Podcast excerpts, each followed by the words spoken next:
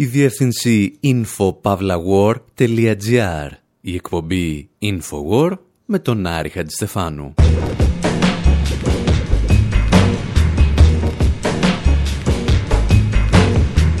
όπου σήμερα σας βάζουμε σε χριστουγεννιάτικο κλίμα.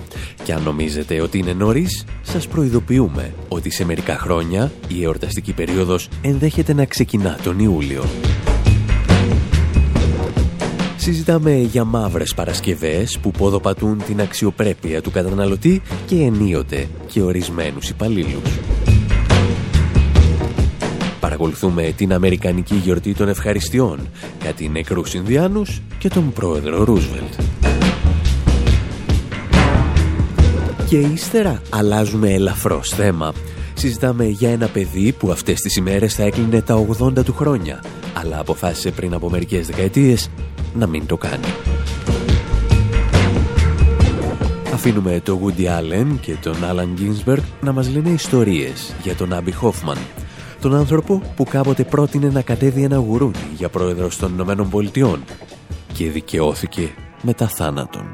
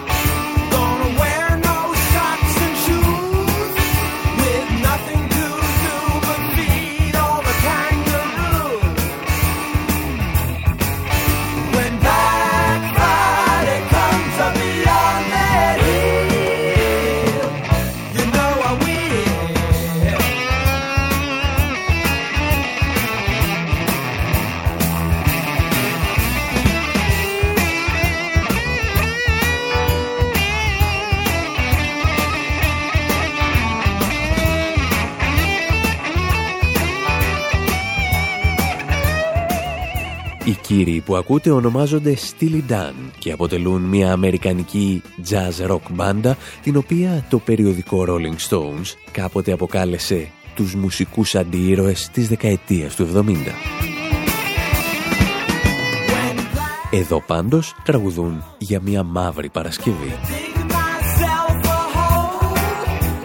Όπου Μαύρη Παρασκευή τις τελευταίες δεκαετίες έχουμε συνηθίσει να αποκαλούμε την ημέρα μετά την Αμερικανική Γιορτή των Ευχαριστειών, όπου τα μεγάλα καταστήματα πραγματοποιούν τις μεγαλύτερες εκπτώσεις, αφήνοντας τους πελάτες να παίζουν βρωμόξυλο για το ποιος θα προλάβει τη φθηνότερη τοστιέρα.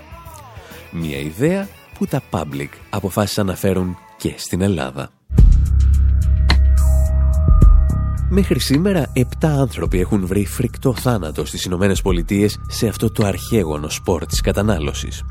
Και ο πρώτος νεκρός έπεσε μέσα σε ένα κατάστημα Walmart το 2008 τα αμερικανικά δίκτυα ενημέρωσης διέκοψαν τότε το πρόγραμμά τους για να μεταδώσουν την παρακάτω είδηση.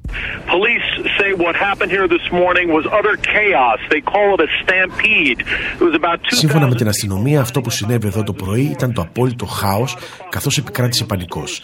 Πριν από τις 5 τα ξηνορώματα, 2.000 άτομα συνοστίζονταν έξω από την πόρτα.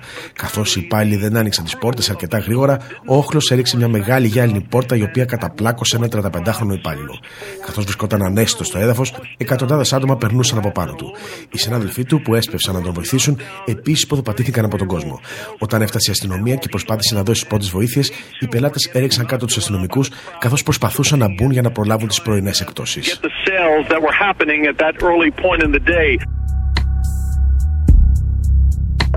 Το άψυχο σώμα ενός υπαλλήλου λοιπόν βρίσκεται για ώρες σε ένα σούπερ μάρκετ χωρίς κανένας να σταματά τα ψώνια του, ακόμη και όταν παρεμβαίνει η αστυνομία. Ίσως η πιο χαρακτηριστική σκηνή του καταναλωτισμού από τη δημιουργία του καπιταλισμού μέχρι τις μέρες μας. Το πρόβλημα είναι ότι στις Ηνωμένες Πολιτείες, αν δεν σε πατήσουν στο λαιμό οι πελάτες, θα το κάνουν συμβολικά ή όχι οι εργοδότες σου. Τα τελευταία χρόνια τα καταστήματα ανοίγουν όλο και νωρίτερα τις πόρτες τους και δεν τις κλείνουν για μέρες. Αρχικά άνοιγαν στις 7 το πρωί. Το έκαναν 5, 4, 3, 2, 1 και στο τέλος κατέληξαν να ξεκινούν τις εκπτώσεις από το απόγευμα της προηγούμενης ημέρας. Και αν είσαι υπάλληλος σε ένα τέτοιο κατάστημα, μετανιώνεις την ώρα που δεν αποφάσισες να καταταγείς στο στρατό και να πεθάνεις με την ησυχία σου στο Ιράκ ή το Αφγανιστάν. Oh Lord, won't you buy me a Mercedes Benz? My friends all drive Porsches. I must make amends. Worked hard all my lifetime, no help from my friends. So, oh Lord, won't you buy me a Mercedes Benz? Oh Lord, won't you buy me a color TV. Dialing for dollars is trying to find me. I wait for delivery each day until three. So, oh Lord, won't you buy me a color TV? Oh Lord, won't you buy me a night on the town? I'm counting on you, Lord. Please don't let me down. Prove that you love me and buy the next round. Oh Lord, won't you buy me a night on the town? Everybody, oh Lord, won't you buy me a Mercedes Benz? My friends all drive Porsches. I must make amends. Worked hard all my lifetime, no help from my friends. So, oh Lord, won't you buy me a Mercedes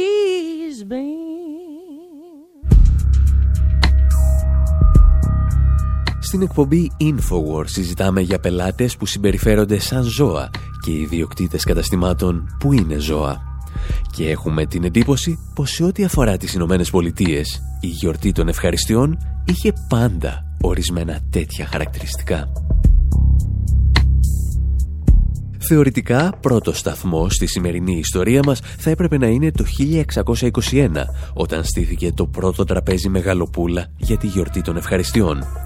Θα μας επιτρέψετε όμως να πιάσουμε την ιστορία μας από μερικούς αιώνες πιο πίσω.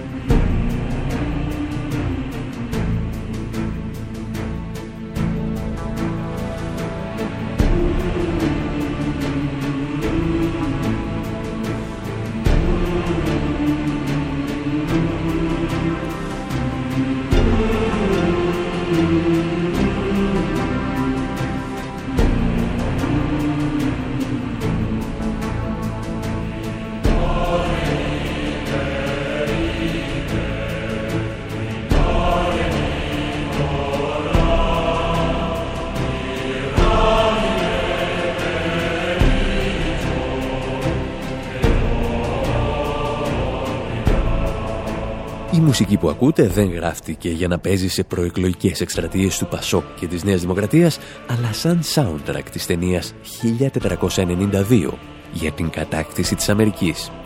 Δηλαδή για τη μεγαλύτερη γενοκτονία που έχει γνωρίσει η ανθρωπότητα. Είμαστε λοιπόν στο 1492 περίπου τέτοιο καιρό Οι ηθαγενείς στις Μπαχάμες βρίσκουν στην παραλία τους έναν κύριο, ο οποίος δεν φαίνεται να έχει καταλάβει που τον έβγαλε το κύμα. Είναι ο Χριστόφορος Κολόμβος και οι ναύτες του. Οι ηθαγενείς τον υποδέχονται προσφέροντάς του δώρα και τρόφιμα. Και αυτός κάθεται το βράδυ στην καμπίνα του και γράφει στο ημερολόγιό του δεν έχουν ανακαλύψει το σίδερο, θα γίνουν εκπληκτικοί υπηρέτες. Με 50 άντρες μπορούμε να τους υποτάξουμε και να τους βάλουμε να κάνουν ό,τι τους ζητήσουν. Ήταν η αρχή μιας όχι και τόσο ισότιμης σχέσης. Οι άνδρες του Κολόμβου θα σκοτώσουν τουλάχιστον 100.000 Ινδιάνους μόνο στην Αϊτή. Σε οικονομικό επίπεδο, τα κέρδη από την εκμετάλλευση των Ινδιάνων και των πρώτων υλών της Αμερικής βοήθησαν την Ευρώπη να περάσει από τη φεουδαρχία στη νέα οικονομία του καπιταλισμού. Ο τρόπος με τον οποίο επιτεύχθηκε αυτό ονομάζεται από ορισμένου πρωταρχική συσσόρευση κεφαλαίου. Κάποιοι άλλοι το λένε απλώς γενοκτονία. Ό,τι έκανε ο Κολόμβος στις Μπαχάμες και την Αϊτή το έκανε αργότερα ο Πιζάρο με τους Ίνκας στο Περού, ενώ τους Αζτέκους στο Μεξικό τους ανέλαβε ο Κορτέζ. Κορτέζ ο Φωνιάς, όπως τραγουδούσε ο Νίλ Γιάνγκ.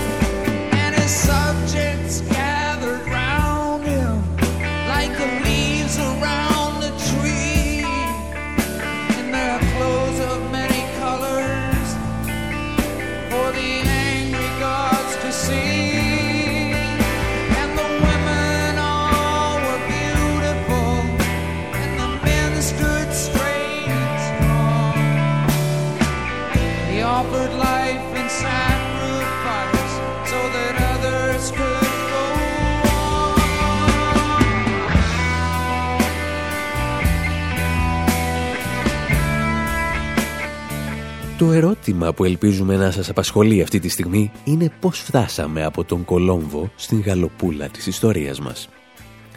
Το 1621 που λέτε έγινε ένα μεγάλο τραπέζι ανάμεσα στους Ινδιάνους που ζούσαν στην περιοχή της Μασαχουσέτης και τους πρώτους πουριτανούς επίκους από την Αγγλία.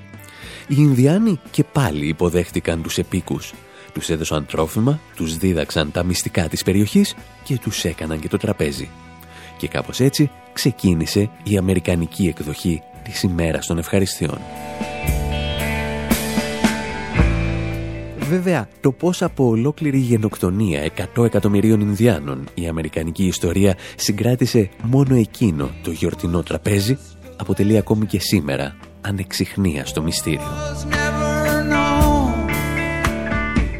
Εκείνες οι πρώτες γιορτινές γαλοπούλες πάντως σηματοδοτούν μια καθοριστική στιγμή για την Αμερικανική οικονομία.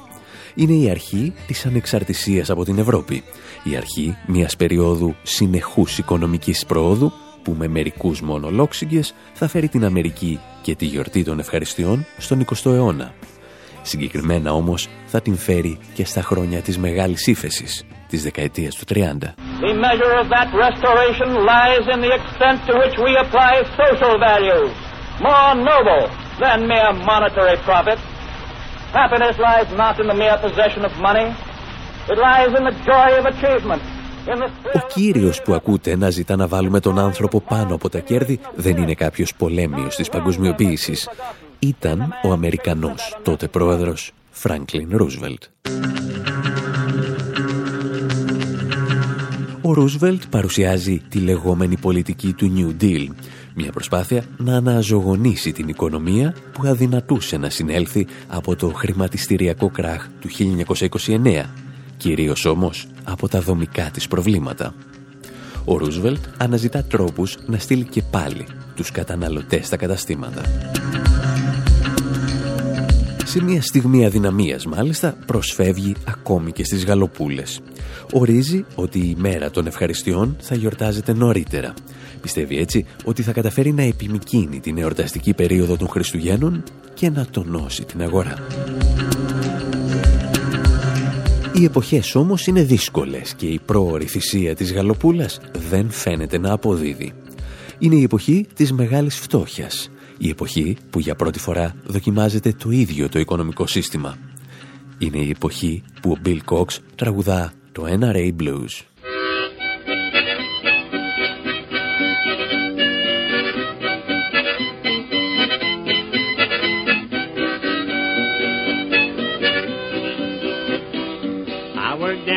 old sweatshop, sweet thing, sweet thing. I work down in the old sweatshop, I work like a mule and never stop, sweet thing, yes, baby mine. When they gonna join the NRA, sweet thing, sweet thing. When they gonna join the NRA, I never have heard the big boss say, sweet thing, yes, baby mine. I've got the blues. I've got them NRA blues. Thought I got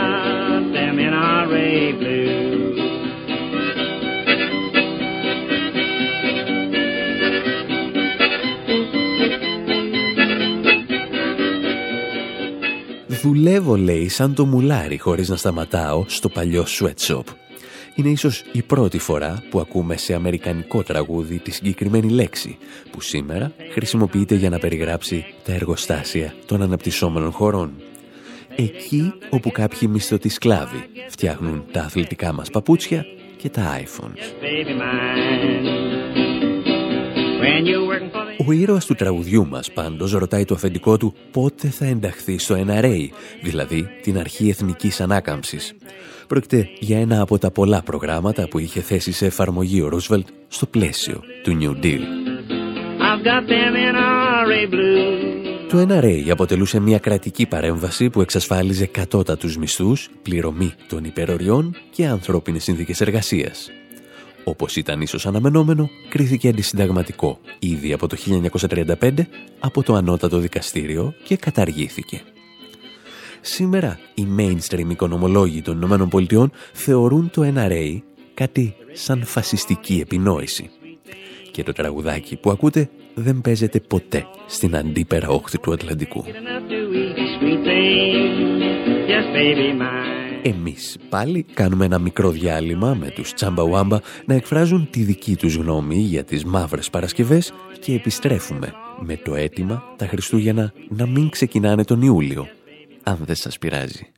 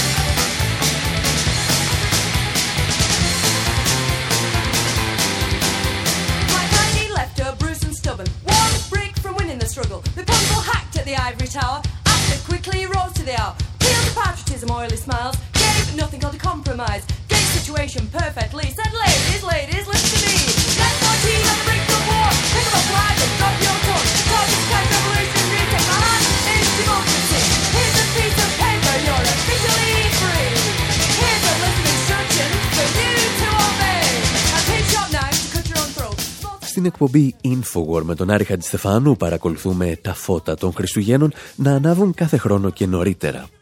Και εκεί που αναρωτιόμασταν πού θα πάει αυτή η ιστορία, ήρθαν να μας απαντήσουν ερευνητές από τη Μεγάλη Βρετανία.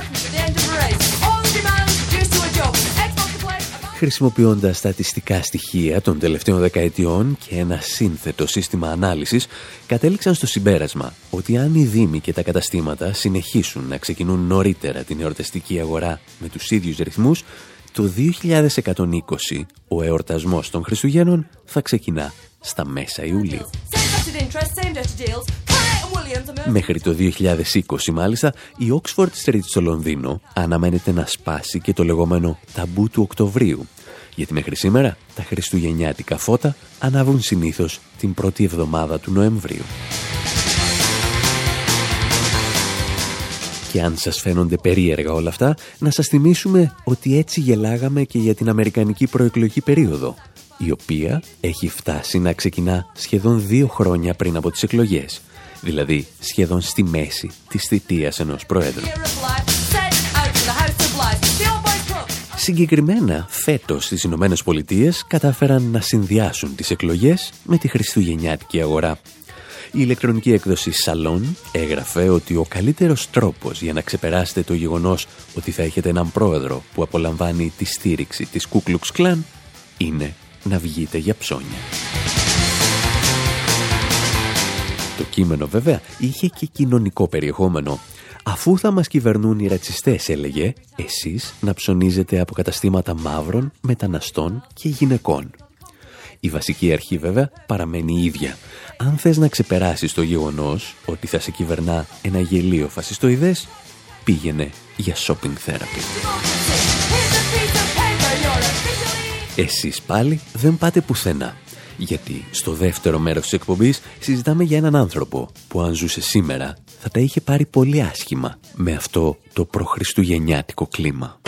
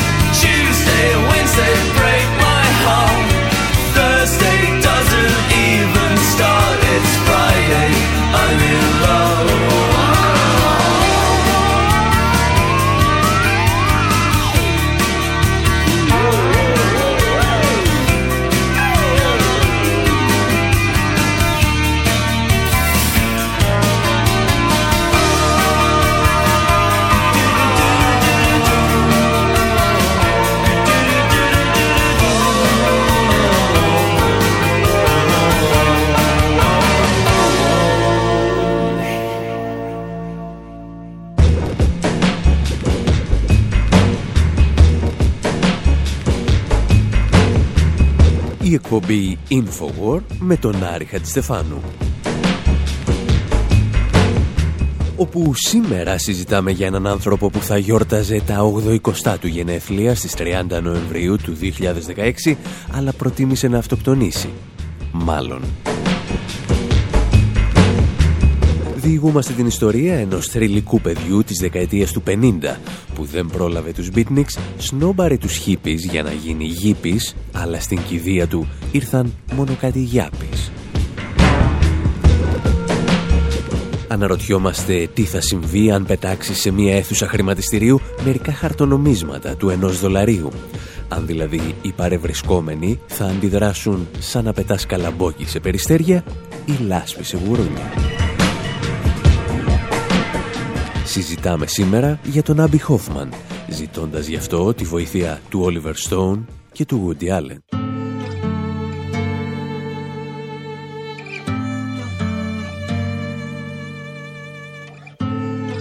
I saw Abby Hoffman's ghost in the distance. We got Saul Williams keeping up the resistance. And punk rock and blues music keep dying. We keep buying. And Matt Stone and Trey Parker have taken over the mission. Cause our politicians, they don't have a position. Who's to blame for this shallow existence? Our existence. We try and fight, but this wall's too high. Have we lost tonight? But one second chance could change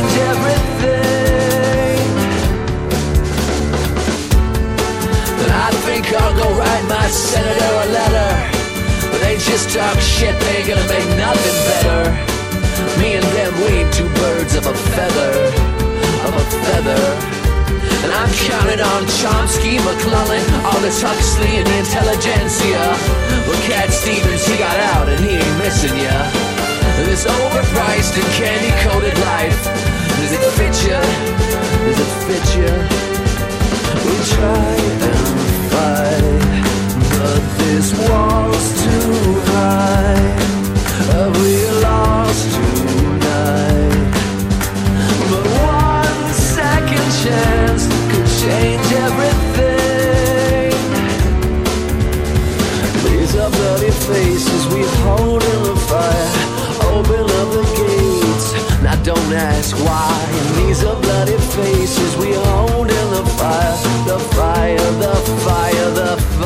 Ο Καναδός Raine Maida ξεκινά ελαφρώς αποκαρδιωτικά το δεύτερο μέρος της εκπομπής μας θέτοντας το ερώτημα εάν ο τοίχος που προσπαθούμε να περάσουμε είναι πολύ ψηλός για τα μέτρα μας.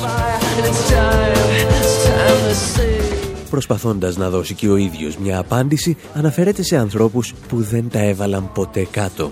Τραγουδά μεταξύ άλλων για τον Νόαμ Τσόμσκι και τον Άλντους Χάξλεϊ.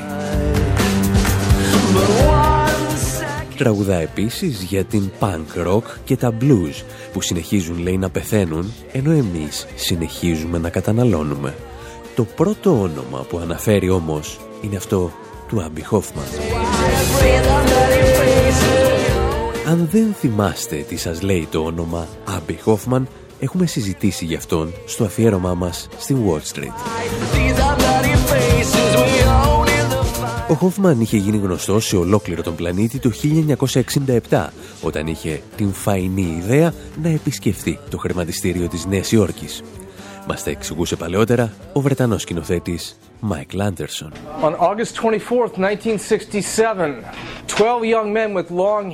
Στις 24 Αυγούστου του 1967, 12 νεαροί με μακριά μαλλιά και καπαρτίνες μπήκαν στο χώρο επισκεπτών του χρηματιστηρίου της Νέας Υόρκης. Επειδή έβερχε, κανένας δεν έδωσε προσοχή στις καπαρτίνες. Και επειδή ήταν 1967, κανένας δεν έδωσε προσοχή στα μακριά μαλλιά. Μέχρι τη στιγμή που ο Άμπι Χόφμαν και άλλα 11 μέλη τρογήπης έβγαλαν από τις καπαρτίνες σακούλες με χαρτονομίσματα του 1, των 5 και των 10 δολαρίων και τα άδειασαν μέσα στην αίθουσα συναλλαγών. Ήταν η πρώτη φορά στην ιστορία συμπεριλαμβανομένων πολέμων και σεισμών που διακόπηκαν οι συναλλαγές στο χρηματιστήριο. Οι χρηματιστές παράτησαν τις διαπραγματεύσεις που αφορούσαν δισεκατομμύρια δολάρια και πάλευαν ο ένας με τον άλλον για να πιάσουν αυτό το σύννεφο με τα χαρτονομίσματα του ενός και των 10 δολαρίων.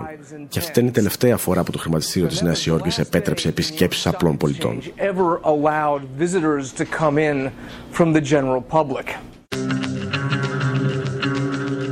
Παρά το γεγονός ότι ο Άμπι Χόφμαν και η παρέα του δεν είχαν προβλέψει και δεν ενδιαφέρονταν τότε για δημοσιογραφική κάλυψη της δράσης τους, η είδηση κυκλοφόρησε σε λίγα λεπτά σε ολόκληρο τον πλανήτη.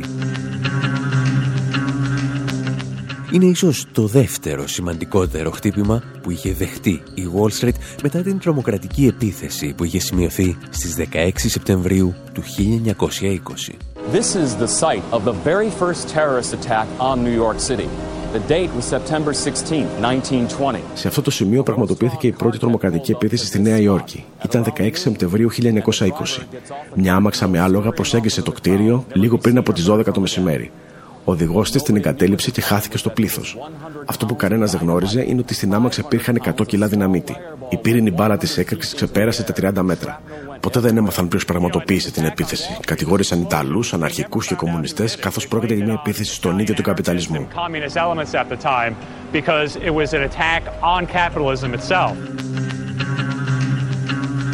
Αρκετοί υποστηρίζουν σήμερα ότι η συμβολική δράση του Άμπι Χόφμαν είχε εξίσου μεγάλο ή και μεγαλύτερο αντίκτυπο από την τρομοκρατική επίθεση του 1920, παρά το γεγονός ότι η τελευταία άφησε πίσω της περίπου 40 νεκρούς.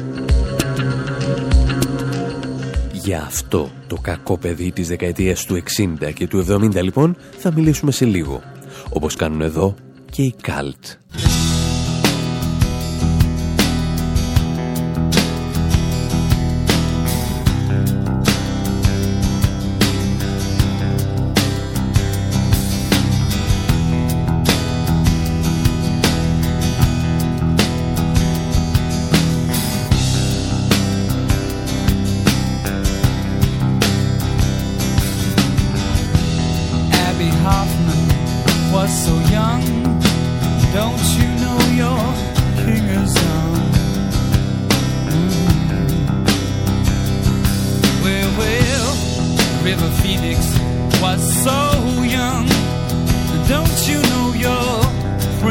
come. Hey, hey there, sister. What is holy in your life?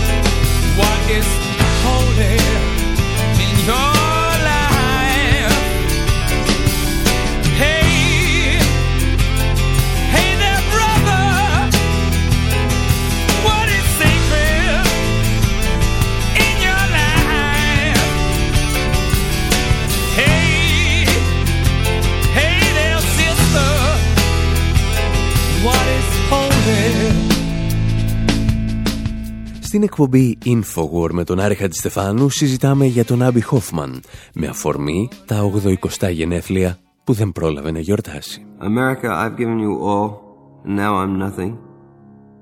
America, $2.27, January 17, 1956. I can't stand my own mind. America, when will we end the human war? Go fuck yourself with your atom bomb. I don't feel good. Don't bother me. Ο Χόφμαν γεννήθηκε το 1936 και μεγάλωσε σε εκείνες τις δεκαετίες που λέγεται ότι το κίνημα των beatniks είχε πεθάνει χωρίς το κίνημα των hippies να προλάβει να γεννηθεί. Και σε εκείνα τα χρόνια, ενώ υποθέτουμε ότι άκουγε και διάβαζε ανθρώπους σαν τον Άλαν Γκίνσπεργκ που ακούμε εδώ, άρχισε να τα βάζει με κάθε μορφή εξουσίας, ξεκινώντας φυσικά από το σχολείο του. Όσοι συμμαθητές του ζουν ακόμη θα θυμούνται την ημέρα που παρέδωσε στον καθηγητή του μια εργασία στην οποία εξηγούσε ότι ο Θεός δεν μπορεί να υπάρχει γιατί αν υπήρχε ο κόσμος δεν θα βρισκόταν σε τέτοια κατάσταση δυστυχίας. Ο καθηγητής του τον αποκάλεσε κομμουνιστή και αλήτη και ο Αμπιχόφμαν του εξήγησε με μερικές μπουνιές ότι θα πρέπει να μιλάει καλύτερα στους μαθητές του. Η προσωπικότητά του πάντως θα διαμορφωθεί στο πανεπιστήμιο όταν γνωρίζει τον καθηγητή Χέρμπερτ Μαρκούζε και μαζί του τον μαρξισμό.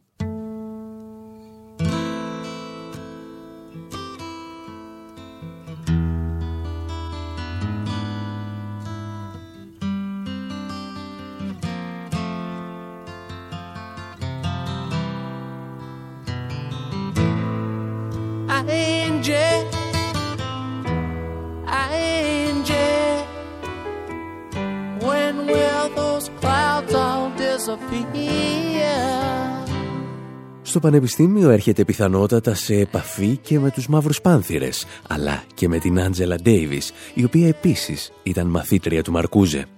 Την Άντζελα για την οποία τραγουδούσαν οι Rolling Stones το Angie.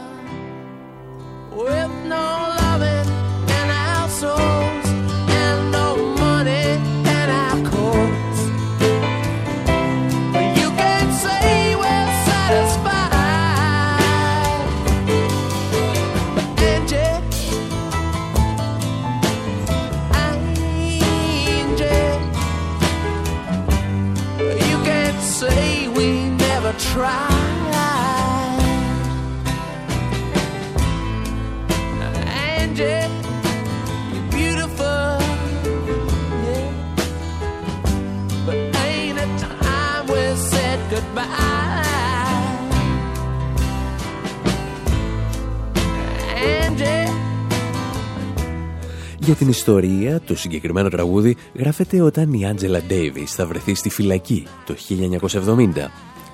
Ο δικός μας ήρωας όμως μπαίνει στη στενή δύο χρόνια νωρίτερα.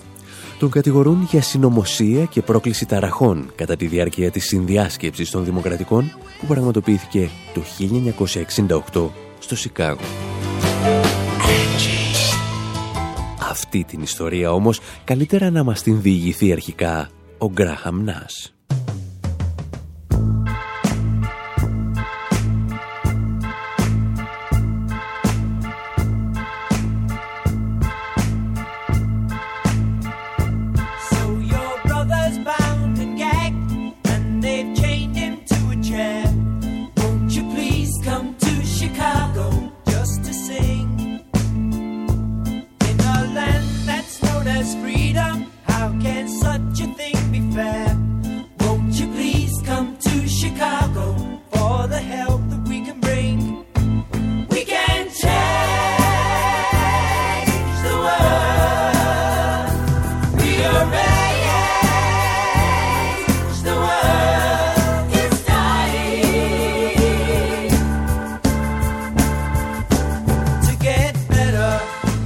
Ο Γκραχαμ Νάς τραγουδά για έναν κόσμο που πεθαίνει για να αλλάξει ή που πεθαίνει να αλλάξει.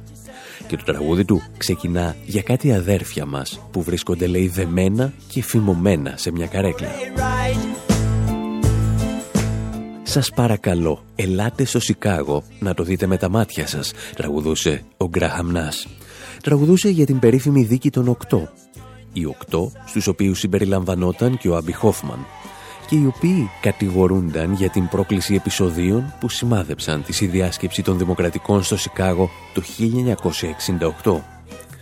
Μια από τις πιο δυνατές στιγμές του αντιπολεμικού κινήματος στις Ηνωμένες Πολιτείες.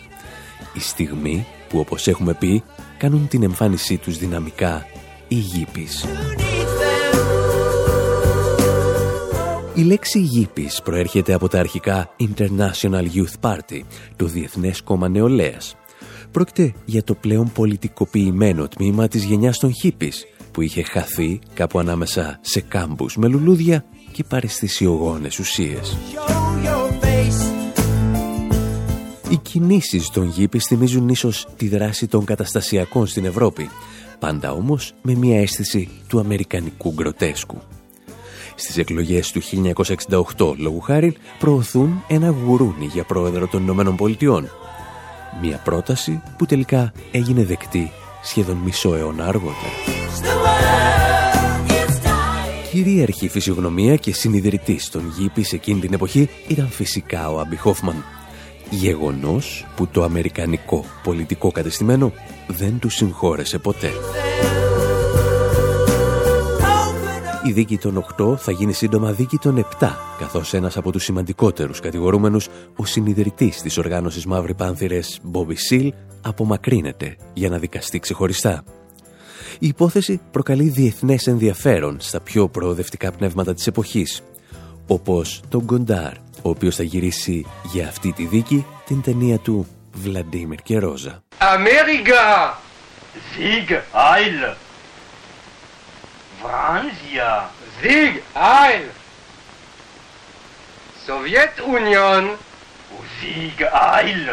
Την ίδια περίοδο θα ασχοληθεί με τη δίκη και ο Γούντι Άλεν στην ταινία του Μπανάνες. Εκεί όπου κανείς δεν καταλαβαίνει αν σατήριζε τον Άμπι Χόφμαν ή τους δικαστές. Fielding Mellish, the president of San Marcos, goes on trial tomorrow for fraud, inciting to.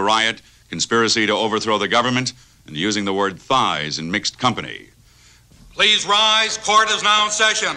Judge Seymour Watson presiding. The people versus Fielding Mellish. I object, Your Honor. This trial is a travesty. It's a travesty of a mockery, of a sham, of a mockery, of a travesty, of two mockeries, of a sham.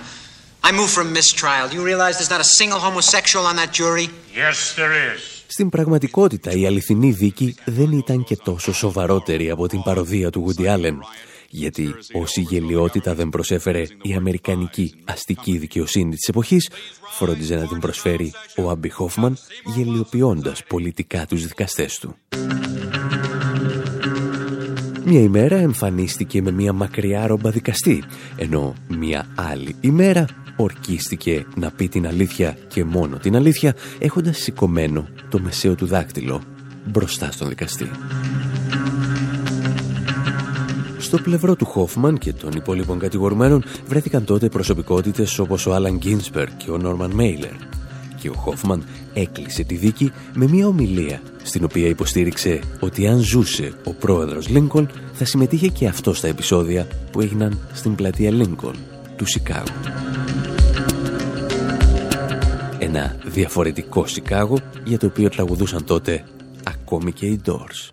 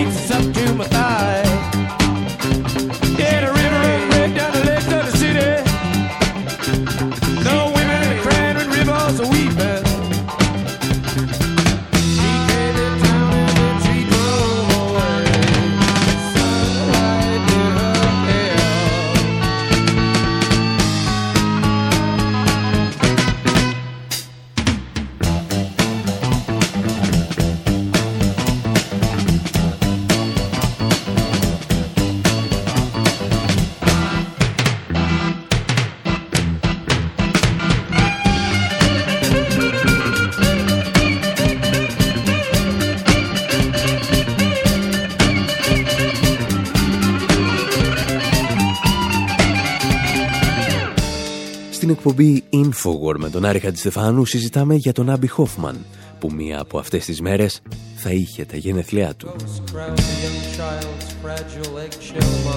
Τον έχουμε αφήσει να μπαινοβγαίνει στις φυλακές για τα επεισόδια του 1968 στο Σικάγο.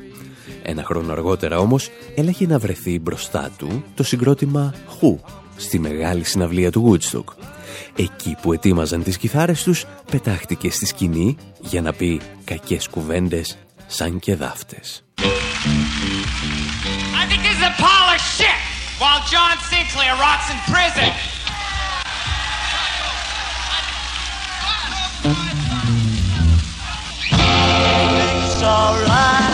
Αυτά που κάνετε εδώ τη στιγμή που ο Σίνκλερ σαπίζει στη φυλακή είναι ένας λόφος με σκατά, είπε στους συγκεντρωμένους ο Άμπι Χόφμαν, αναφερόμενος σε έναν από τους συντρόφους του που βρισκόταν ακόμη στην φυλακή.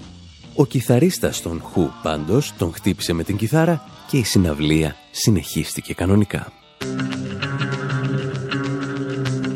Και ο Άμπι Χόφμαν θα συνεχίσει να ενοχλεί σε όλη του τη ζωή. Όταν δεν τον βρίσκουμε σε κάποιο πάνελ μαζί με τον Μπέρνι Σάντερς, μαθαίνουμε ότι τον συλλαμβάνει η αστυνομία για διάφορες ενέργειές του όπως ότι το 1986 διαμαρτύρονταν μαζί με την κόρη του Προέδρου Κάρτερ σε ένα πανεπιστήμιο της Μασαχουσέτης που είχε μετατραπεί σε γραφείο στρατολόγησης πρακτόρων της CIA. Και βέβαια, με όλη αυτή την προϊστορία, όταν ο Άμπι Χόφμαν αυτοκτόνησε το 1989, αρκετοί από τους οπαδούς του ήταν έτοιμοι να αποδώσουν το θάνατο στις μυστικές υπηρεσίες. And I don't feel so good myself. Abby Hoffman's dead. And I don't feel so well.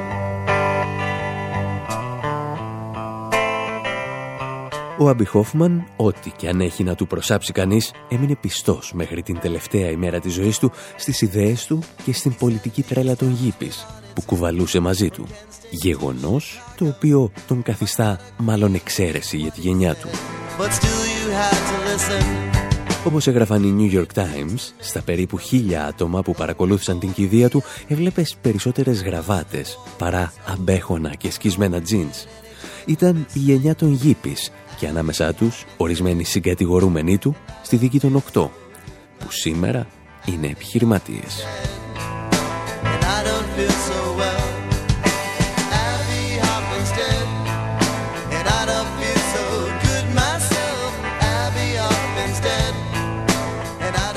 Κάπου εδώ πάντως λέμε να σας αφήσουμε για αυτή την εβδομάδα. Μας βρίσκεται πάντα στη διεύθυνση info.pavlawar.gr όπου συγκεντρώνουμε όλες μας τις εκπομπές, τα ντοκιμαντέρ και ό,τι γράφουμε κατά καιρούς αριστερά και δεξιά. Από τον Άρη Χαντιστεφάνου στο μικρόφωνο και τον Δημήτρη Σταθόπουλο στην τεχνική επιμέλεια, γεια σας και χαρά σας.